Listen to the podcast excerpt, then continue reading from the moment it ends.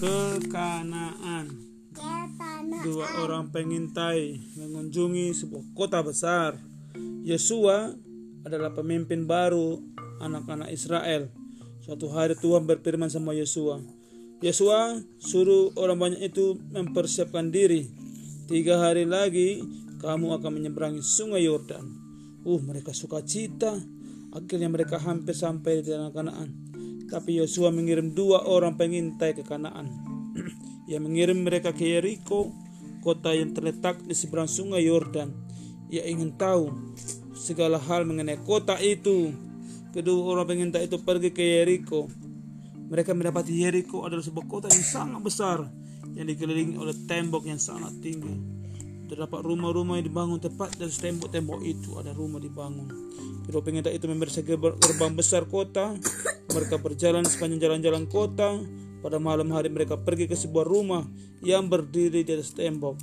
Seorang bernama Rahab tinggal di sana.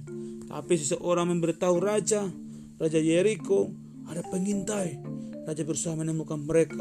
Ia menutup gerbang besar. Ia mengirim semua tentara. Ayo tangkap kalian pengintai itu. Mereka pergi ke rumah Rahab. Mereka tahu bahwa dia ada di rumah Rahab. Rahab melihat tentara raja datang. Cepat-cepat ia menyuruh semua kedua pentai itu. Eh, naik naik ke rumah, atap rumah. Atap rumah Rahab datar. Rahabnya sering duduk di atas, di atas atap itu sama seperti kita duduk di beranda kita. Rahab menyuruh pengintai itu berbaring di atas atap. Lalu ia menutupi mereka dengan timbunan barang apa dengan barang batang rami, batang padi-padi itu. Ketika tentara raja itu datang ke rumah Rahab, mereka tidak menjumpai pengintai itu.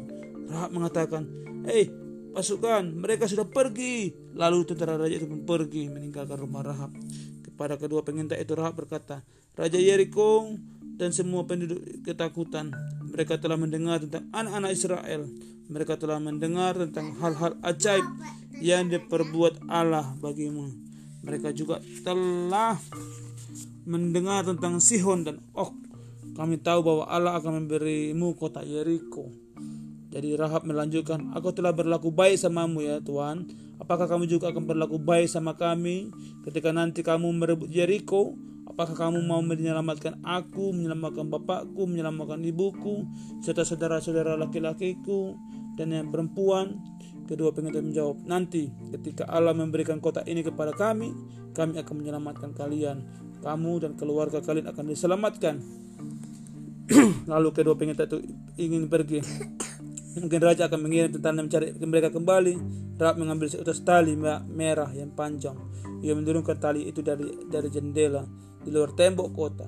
Kedua pengintai itu pun turun melalui tali. Lewat tali mereka turun, turun dan mereka keluar dari kota. Rahab membiarkan tali itu tergantung-gantung di jendela. Katanya, mereka akan datang kembali dan melihat tali merah itu. Lalu mereka akan tahu yang mana rumahku. Kedua pengintai itu pun pergi ke gunung. Mereka bersembunyi selama tiga hari.